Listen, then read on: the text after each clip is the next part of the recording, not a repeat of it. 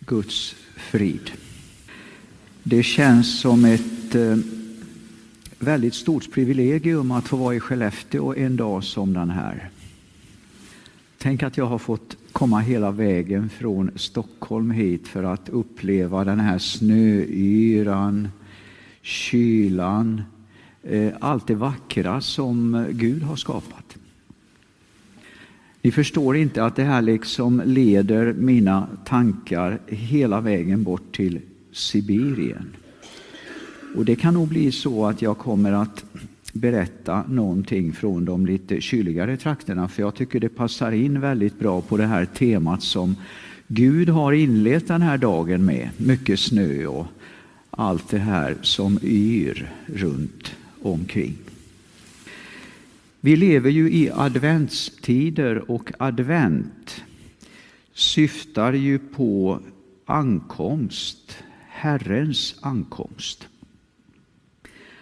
Och ni vet, eh, för många, många år sedan, egentligen redan eh, vid Jesu tid här nere på, på jorden, så var det en helg, en söndag, när Jesus hade haft en gudstjänst i synagogan. Och folket var liksom på väg ut och jag tror lärjungarna väntade utanför och var väl också lite stolta över sin egen stad Jerusalem för det berättas att man ville visa Jerusalem och alla de här vackra byggnaderna för Jesus. Och jag tror att det var med lite stolthet i rösten som man delade sina tankar för att visa upp allt det där. Och när de eh, gå runt där, om det var någon sightseeing, det, det eh, är väl lite oskrivet. Men i det sammanhanget så var det liksom ändå någonting i atmosfären som eh, talade till lärjungarna om att det här kanske är några av de sista stunderna och sista tiderna som vi är tillsammans med Jesus Kristus.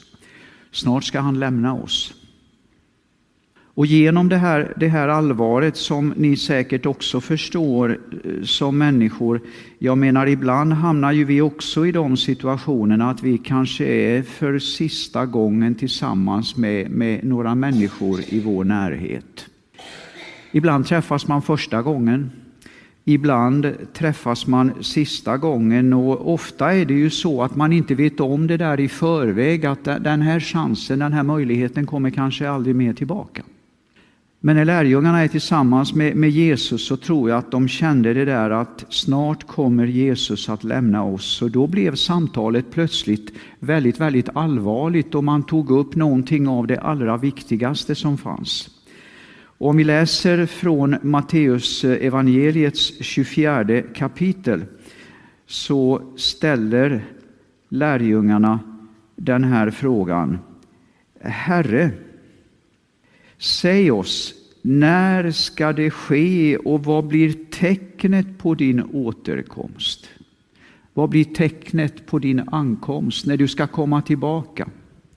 Och vad blir tecknet på den här tidsålderns slut? Det här var ju egentligen väldigt allvarliga frågor och jag förstår att eh, Jesus kanske inte heller var alltför Eh, exalterad av att eh, tvingas förmedla det här att folk ska resa sig mot folk. Rike mot rike, det ska bli hungersnöd och jordbävningar på den ena platsen efter den andra. Det var liksom några av de tecknen som skulle ske. Och Lukas evangeliet eh, nämner ju också pesten och pandemin som ett tecken på de sista dagarna, de sista stunderna innan slutet kommer. Ett tecken som jag tänkte fokusera lite grann kring i samband med predikan idag hittar vi i samma kapitel, vers 9 där Jesus också anger det här tecknet. Då ska man utlämna er åt lidande och döda er och ni kommer att bli hatade av alla folk för mitt namns skull. Jag vet att en del eskatologer gärna förknippar just de här verserna med, med det judiska folket.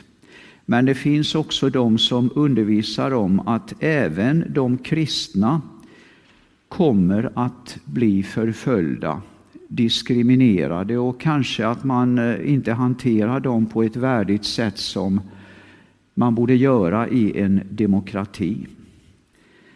De sista månaderna så har ju många av oss följt händelserna i Ukraina. Och några av er kanske till och med vet att även många kristna har blivit lidande på många olika sätt. Man har hotats, man har torterats. Det finns till och med kristna i dagens Ukraina som har lidit martyrdöden på grund av sin övertygelse. På grund av att man har velat följa Jesus Kristus. Jag skulle vilja berätta en händelse som eh, väldigt eh, nära har eh, påverkat min fru och hennes släkt och det estniska folket. Det var nämligen så att redan i slutet på 1930-talet och i början på 1940-talet så var det ju många eh, ester och letter och litauer och balter som deporterades österut till Sibirien. Och jag har hört en berättelse hur en familj fick ett besök tidigt, tidigt en fredagmorgon när grönklädda beväpnade soldater kom och knackade på deras dörr. Och man sa att eh, nu är det så här att eh, vi har fått i uppdrag att eh, deportera er österut. Så nu får ni 30 minuter på er att eh, samla ihop era grejer. Sen eh, åker vi till Sibirien. Och just den här tanken, jag har en halvtimme på mig. Jag ska ut på en resa som eh, jag kanske aldrig återvänder ifrån. Vad ska jag ta med mig? Den här familjen som, som eh, råkade i den här situationen, de bestämde sig för att ta med sig den estniska flaggan som man virade runt kroppen under skjortan och tröjan. Den ville man ta med sig. Och så ville man ta med sig en näve estnisk jord som man eh, la i en eh, lerkruka, ett lerkärl som man skulle ta med sig. Och så tänkte man den här tanken att om vi ändå kommer tillbaka någon dag efter kanske 8 eller 25 år i Sibirien så är det klart att vi vill återvända till vårt fosterland. Eh, och om vårt hus finns kvar så vill vi ju flytta tillbaka till vårt hem. Så man bestämde sig också för att ta med sig köpebrevet. Handlingarna som liksom bevisade att det här huset, det är vårt hus. Vi har rätten att komma tillbaka och leva vidare där. Alltså ett lerkärl, en lerkruka. Och igår kväll när jag förberedde den här predikan så, så kom det en helt annan bibelvers i mina tankar från Andra Korinthierbrevet kapitel 4. Vers 7 till vers 10. Lyssna noga nu. Men denna skatt har vi i lerkärl för att den väldiga kraften ska vara Guds och inte komma ifrån oss. Vi är ständigt trängda, men inte instängda. Vi är ständigt rådvilla, men inte rådlösa, förföljda, men inte övergivna, nedslagna, men inte utslagna. Alltid bär vi Jesu död i vår kropp för att också Jesu liv ska bli synligt i våra liv och i vår kropp. De här människorna som sen fördes till järnvägsstationen skulle färdas en vecka österut i boskapsvagnar som man sedan dumpade ute på tajgan och tundran i vissa fall. Och man fick fortsätta sitt liv bäst man ville. Det var uppemot 100 kilometer till närmaste by. Ni får klara er själva. Några dog av hunger, andra av kyla. Men så fanns det några enstaka som återvände och har berättat den här historien för oss. Och Det här återupprepas i våra dagar när det gäller många ukrainare som faktiskt har deporterats österut till destinationer som man inte vet om vart det bar hän. De här människorna de hoppades och litade på Guds löften.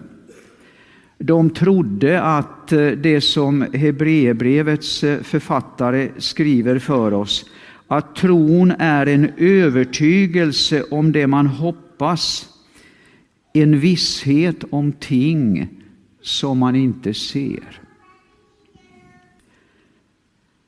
Gå ut från ditt land och din släkt och din fars hus och bege dig till det land som jag ska visa dig. Tänk om Gud vill att vi, att du ska liksom gå över gränser, lämna någonting bakom oss. Och då kommer jag att tänka på Vasilij Jevtjik, en pastor från Ryssland, som jag vet att många i er församling har bett väldigt mycket för. Han har varit på besök här, han har delat ordet. Och jag vet att eh, ni också funnits med på olika sätt och stött församlingen. Det märkliga hände att två dagar innan kriget började så var jag på en mötesturné tillsammans med Vasilij Jevtjik i Helsingforsområdet där han bland annat fick vara med på en gudstjänst i Salemförsamlingen i Helsingfors och eh, frambära ett väldigt allvarligt profetiskt budskap. Och på ett av de här mötena utanför Helsingfors så berättade han sin levnadshistoria som jag skulle vilja återge här för jag tror att en del av er inte har hört det här. Han berättade hur han var i unga år när han var med på ett eh, underjordiskt bönemöte i en av stugorna utanför Rivne i västra Ukraina. Han var nog den eh, yngsta på det här mötet. Det var väldigt mycket äldre kvinnor och äldre män som bad i tungor. Man förmedlade budskap. Och plötsligt i slutet av gudstjänsten så kommer en av kvinnorna fram till unge Vasili och börjar profetera för honom. Och säger någonting i stil med det här. Jag ska skicka dig till ett land där du aldrig har varit. Jag ska sända dig till ett folk vars språk du inte förstår.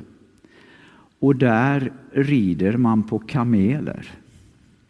Det var inte dåligt. Vad tror ni att en, en liten grabb i mellanstadieåldern tänker när han hör en sån här profetia som riktas till honom? Att han ska lämna, att han ska ge sig iväg, att han ska förkunna evangeliet och sprida Gudsriket till människor som han aldrig har träffat tidigare. Ungefär sju, åtta år efter det här så kom ju det här med glasnost och perestrojkan och hela det väldiga ryska Sovjetimperiet raserade. Och det öppnades upp för evangelium och mission och insatser bland onådda folkgrupper. Och i eh, Rovno, eller Rivne som det heter numera, så fanns det ju en ganska stor församling på några tusen medlemmar. Och där började man planera för en eh, Team Action-resa, en, en resa till de centrala delarna av Ryssland där det bor ett turkbesläktat folk som heter tatarerna. Alltså cirka sju miljoner människor som har muslims bakgrund. Och man fick anmäla sig då till en kontaktperson om man ville åka med på den här evangelisationsresan. Och Vasili han kände liksom att han ville följa med de andra ungdomarna och sprida evangeliet. Och jag har för mig, han berättade i en av församlingarna utanför Helsingfors hur det var ett 25-tal som anmälde sig till den här evangelisationsresan. Och Vasili, han skulle vara en av dem som skulle åka på den här resan. Hans bror och även hans pappa skulle följa med och missionera och evangelisera. Sen när resan sakta närmade sig så visade det sig att den ena efter den andra droppade av och det var olika typer av hinder Eh, det var brist på pengar och någon hade fått jobb och någon hade kommit in på högskolan och skulle börja studera och de kunde liksom inte åka med. Och dagen innan avfärden med, med tåg till Kiev och sen till Moskva så var det bara Vasili, hans bror och hans pappa kvar av dem som skulle åka på den här resan. Men de gav sig iväg. Och när de kommer till Kazan har jag för mig Tatarstans autonoma republik har ju en egen huvudstad och ett eget parlament och en egen president och så vidare. Så där gick man runt på stan och klistrade upp sådana här stora, stora eh, annonser och reklamplakat eh, om att det är evangeliskt möte i Kulturhuset. Där vi presenterar Jesus Kristus. Vi ber för sjuka och allt möjligt ni vet man kan hitta på när man vill att folk ska komma och lyssna på evangeliet. Och de var ju väldigt spända på vad som skulle hända och för Vasili var det ju liksom en utmaning att få vara med och sprida evangeliet. Eh, så när de eh, sen skulle komma till Kulturhuset så undrade de lite grann om, om det skulle komma någon överhuvudtaget på det här första mötet. En halvtimme före mötet så hade det redan kommit över 500 personer till det här mötet. Och om jag minns rätt så kom det väl lite drygt 800 på det här mötet. Och Vasili, han hade ju aldrig ens fått predika i sin egen församling, för det var ju en jätteförsamling. Han hade sjungit med i lovsångsgruppen och liksom fått vara med ibland eh, när det var barnvälsignelse i hans egen eh, familj. Men nu så skulle han hålla huvudpredikan för de här i kulturhuset i Kazan som knappast visste vem Jesus var. Vad tror ni han tänkte? Han höll predikan jag tror hans son och hans far medverkade också på något sätt. Och Det var väl ett 40-tal som kom fram och ville överlämna sitt liv till Jesus Kristus. Och sen skulle de döpas veckan efteråt. Men det var ett problem. Det var ju så här att eh, Vasilis bror och Vasilis pappa, de var ju fortfarande i arbetslivet så att eh, på kvällen därefter den här gudstjänsten så kom ju pappa till honom och sa att du Vasili, du vet ju om att eh, vi hade ju gjort upp om det här att eh, jag och din, din bror, vi måste ju åka hem imorgon.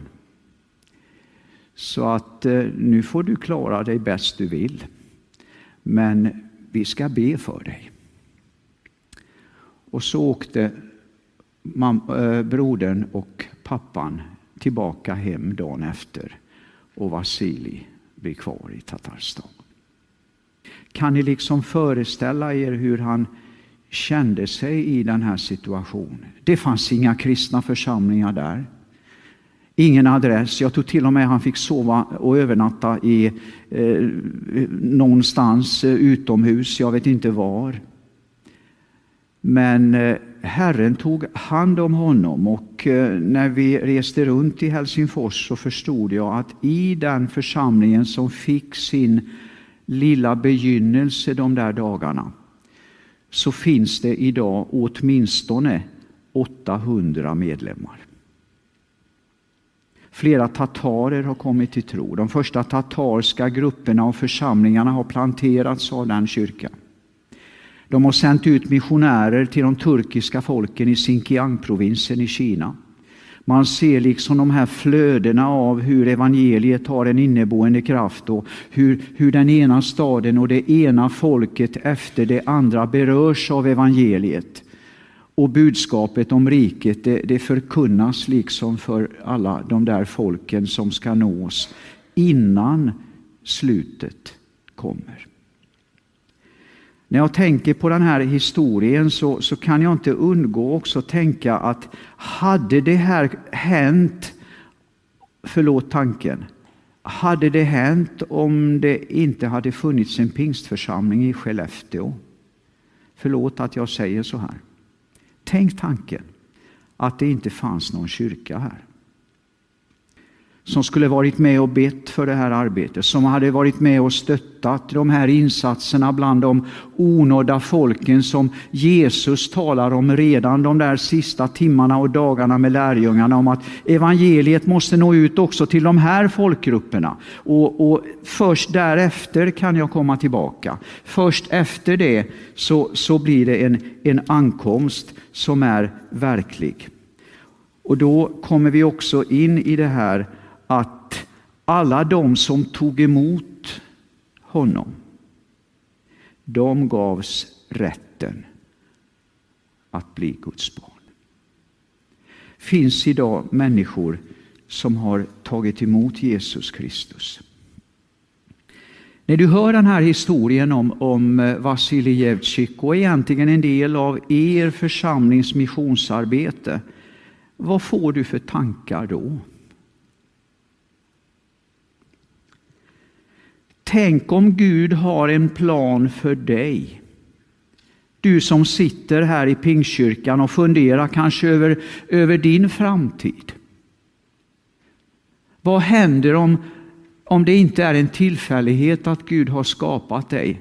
Att du har ett uppdrag som han vill att du ska slutföra. Att du ska ge ditt liv. Offra till honom så att han kan välsigna det och du kan gå i förutberedda gärningar och bli till välsignelse så att Gudsriket kan utbredas. Och tänk också så här, tänk om Gud har en plan för pingstförsamlingen i Skellefteå. Det är väl en intressant tanke. Tänk om det är så. Jag tror att den här speciella tiden som vi lever i idag med krig i vårt Europa, med människor som, som flyr till våra länder och det känns som kriget liksom sakta, sakta smyger sig in på oss. Det kanske blir elransonering. Livsmedelspriserna kanske ytterligare går upp. Och räntorna och Yngves och alla de där på Riksbanken, man vet ju inte riktigt vad man har dem heller de kanske också får för sig att, att höja räntorna ytterligare en aning. Tänk om Kristi församlingar har ett, ett uppdrag i den tiden att kunna liksom bli en oas dit människor kan vända sig. Få frid med Gud, få ett möte med världens skapare. Jag skulle vilja ta ett annat exempel som beskriver lite grann allvaret i alltihop det här och kanske också tankarna kring det här att om, om Gud har en plan för er församling, då är det av yttersta vikt att ni liksom finns där just i den, den gudomliga pulsen där den helige Ande vill verka. Profeten Jeremia, om vi läser Jeremia 32, så var ju han instängd och arresterad på vaktgården till eh, Juda konungs Sidkias hus.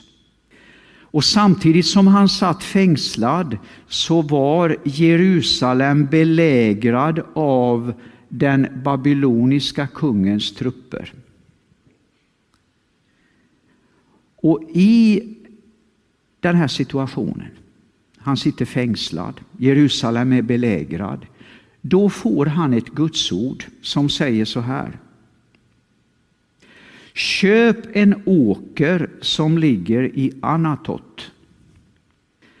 I just det här området där fienden har ockuperat de här landområdena.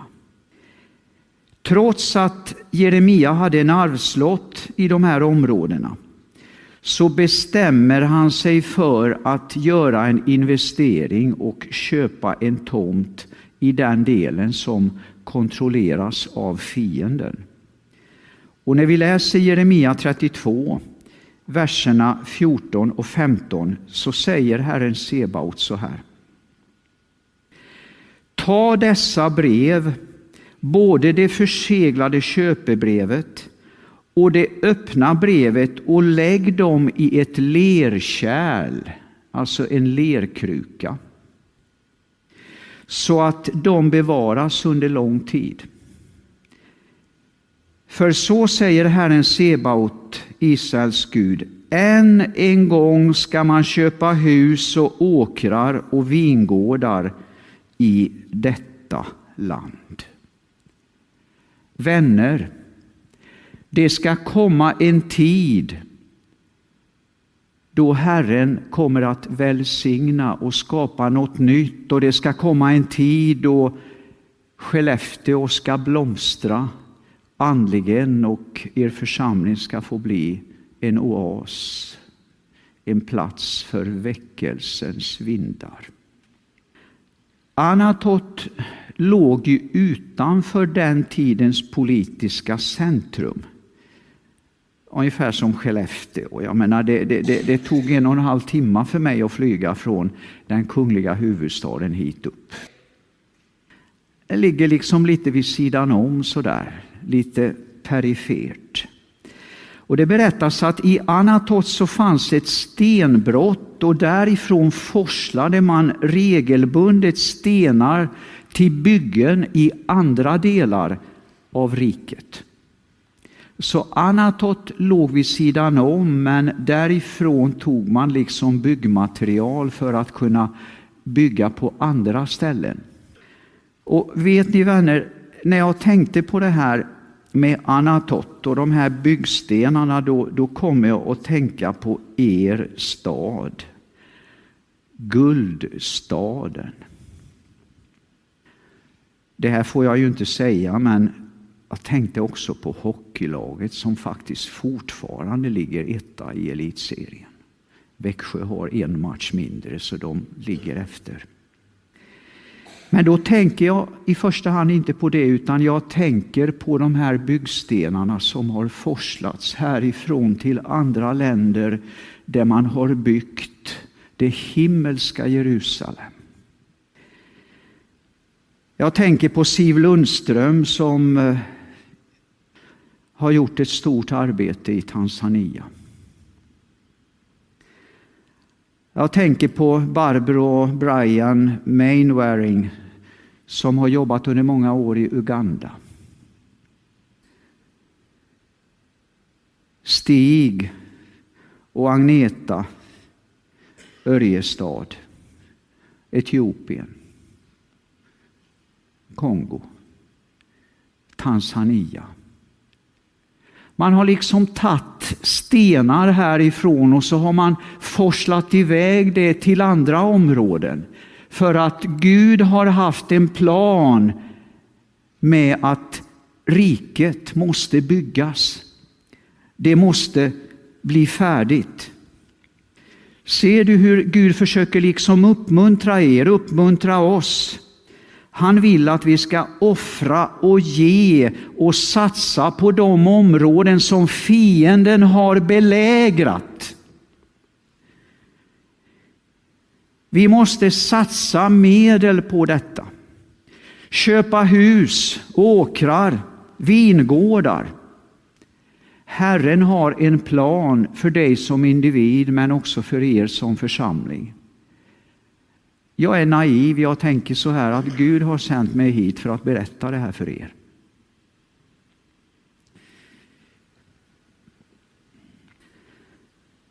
En pastor som redan är i himlen. Han hade en dröm om att kunna flytta till Sverige. Det var efterkrigstid i Estland och han bestämde sig för att försöka ta sig till den karelska gränsen och i smyg ta sig över till Finland och sen på olika vägar ta sig till Torneå och över till Haparanda och få uppleva det fria Sverige. Men han blir arresterad på vägen och får åtta års dom, arbetsläger i Sibirien. Och han berättade för mig innan han flyttade hem till Herren hur han tillsammans med ett hundratal andra trängdes ihop i boskapsvagnar och så färdades man en vecka till ryska Fjärran Östern, till en hamnstad som hette Vanino. Och där ställde man alla de här fångarna i ett långt led vid havsstranden för att vänta på färjan som skulle komma och ta dem över sundet till en ökänd ö som hette Sachalin. Och när en av fångarna kände igen området så sa han Vänner, kamrater, vet ni att de kommer att ta över oss till Sachalin, det området där ingen någonsin har kommit levande ifrån? Det här blir sista resan för oss. Och Endel Rang, den här estniske pastorn, då kommer han ihåg hur han hade suttit i sitt rum på sena kvällar och hört hur hans mamma och pappa hade bett för honom. Fräls Endel, låt han hitta vägen till det eviga livet. Och när han står där vid eh, stranden tillsammans med ett eh, hundratal andra fångar så blir han förkrossad i sitt innersta, böjer sina knän och gör bot och bättring och överlämnar sitt liv till Herren, för han visste att alla de som tar emot Jesus, de får rätten att bli Guds barn. Och han ger ett löfte till Gud och säger så här att Herre, om jag någonsin får se mitt fosterland igen och återvända hem, så ska jag ge hela mitt resterande liv till dig. Gör vad du vill med livet. Jag ska tjäna dig i allt jag kan.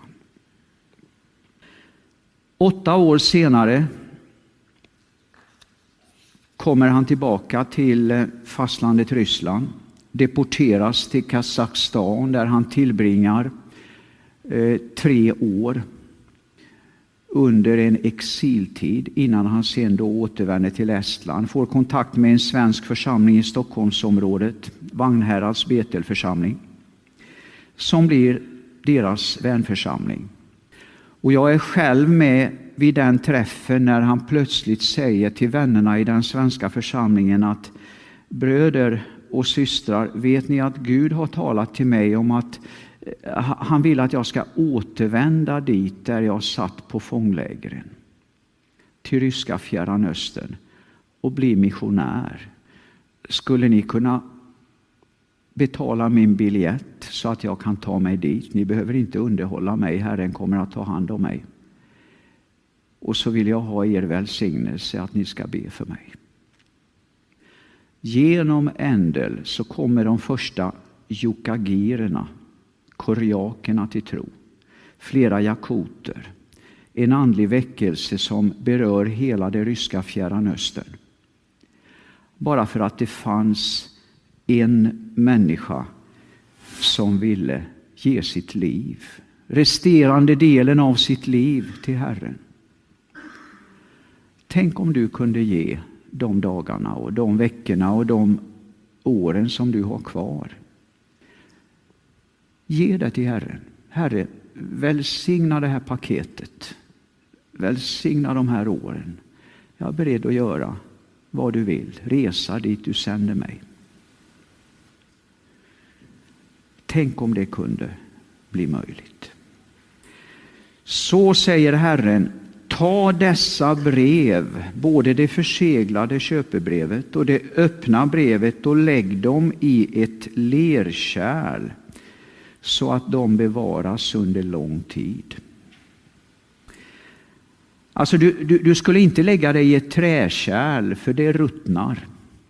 Och du skulle inte lägga det i ett järnkärl för det rostar. Utan du skulle lägga det i ett lerkärl. Och vad var det vi läste i Korintiebrevet?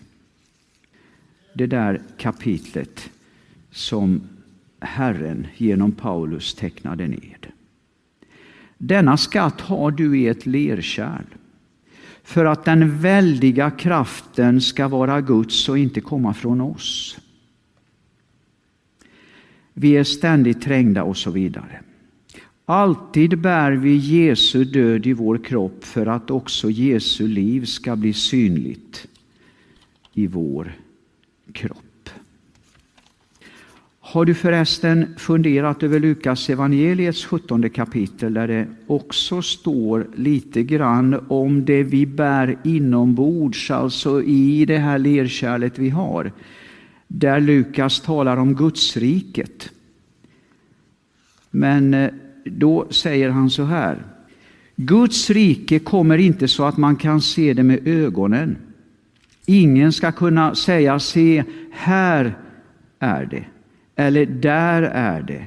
Nej, Guds rike är mitt ibland er. Eller som grundtexten säger, Guds riket är i er. I lerkärlet, inombords, som vi hela tiden bär med oss. Innan jag avslutar skulle jag vilja ta en bild till från Sibirien. Innan jag kommer så långt så minns jag hur jag var på en underjordisk gudstjänst i Lettlands huvudstad Riga. Vi hade gått i två och två med fem minuters mellanrum så att inte grannarna skulle förstå att det var ett kristet möte som pågick. Det fanns ju risk för att polisen skulle komma. Och man hade kunnat få enkel biljett till Sibirien. Och ganska sent till det här mötet kommer en, en kvinna som hette Lydia Daronina. Hon hade suttit åtta år på arbetsläger i Sibirien, bland annat tillsammans med Irina Ratusjinskaja. Bonniers har ju gett ut en bok som har sålts i eh, tusentals upplagor, eh, förlåt, tusentals exemplar, flera upplagor. Eh, Grå är hoppets färg, heter den här boken. Lydia satt tillsammans med Lydia Daronina på, på det här arbetslägret tillsammans med kvinnorna. Och Lydia i sitt vittnesbörd på det här husmötet berättar för oss hur en vinter, november, så konstaterade damerna att snart kommer advent. Vi måste fira advent. Och då får de för sig att tänk om vi på något sätt skulle kunna få tag på ett stearinljus och tändstickor.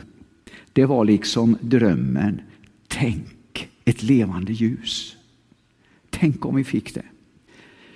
Och jag kommer inte riktigt ihåg hur de bar sig åt, om det var någon av fångvaktarna som kände medlidande eller vad det var. Men, men, men på något sätt så berättar Lydia då att de lyckades få ett ljus, ett stearinljus och en ask tändstickor.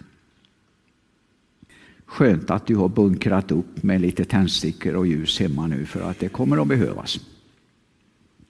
Och deras dröm det var liksom att, jag tror det var andra advent, nu är det ju tredje så det var lite före vår tid. Då hade de bestämt att klockan två på natten så skulle de ha en hemlig samling någonstans i barackens sidoutrymmen där de skulle samlas och, bilda en sån här ring. Och så skulle de placera det här stearinljuset i mitten.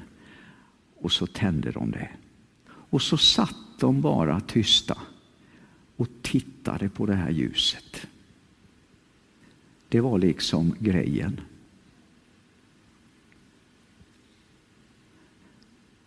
Det värmde. Det lyste upp i mörkret. Och det är ju så här vänner att ju mörkare det är desto tydligare syns stjärnorna. Och jag tror att den här tiden som vi fortfarande lever i så är det av yttersta vikt att, att vi kan liksom bli det här ljuset som eh, någon predikade här i Pingstkyrkan första advent. Hur ljuset blir det som visar vägen för människor. Och sen andra advent så var det ju det här med vittnesbördet, att man ska, man ska vittna och berätta och dela det man har upplevt så att det här ljuset blir synligt. Och det här skriver ju också Paulus om, har ni hört det här? Ni är vårt brev, skrivet i våra hjärtan, känt och läst av alla människor. Det är uppenbart att ni är ett Kristusbrev Skrivet genom vår tjänst, inte med bläck utan med den levande Gudens ande, inte på tavlor av sten utan på tavlor av kött i era hjärtan. Ni är Kristusbrevet. Det är ni som ska gå ut och vittna och dela. Lägga ljuset så att det syns. Staden uppe på berget dit människor dras och dit människor söker sig under en sån här tid som vi får leva i för att ge människor hopp. För det är ju så här att åt alla dem som tog emot honom så gav han rätten att bli Guds barn. Åt alla dem som tror på hans namn. Och nu skulle jag vilja att vi stillar oss i bön och ransakar oss själva. För det får man göra när det är tredje advent. Man får göra det. Tänk om vi kunde be Herre Jesus Kristus rena oss så att församlingen kan bli den här oasen dit människor känner att där finns ljuset, där finns värmen, där finns kärleken. Och då kan väckelsens vindar blåsa över de här nejderna och förändra situationen för människor som ännu inte känner Jesus. Och jag tror att han vill att vi ska ge den resterande delen av våra liv till honom och förhärliga hans namn. Låt oss bedja. Fader vår som är i himmelen. Helgat vare ditt namn, tillkommer ditt rike. Och Herre, vi vill också be att eh, du förlåter oss våra skulder så som och vi förlåta dem som är oss skyldiga.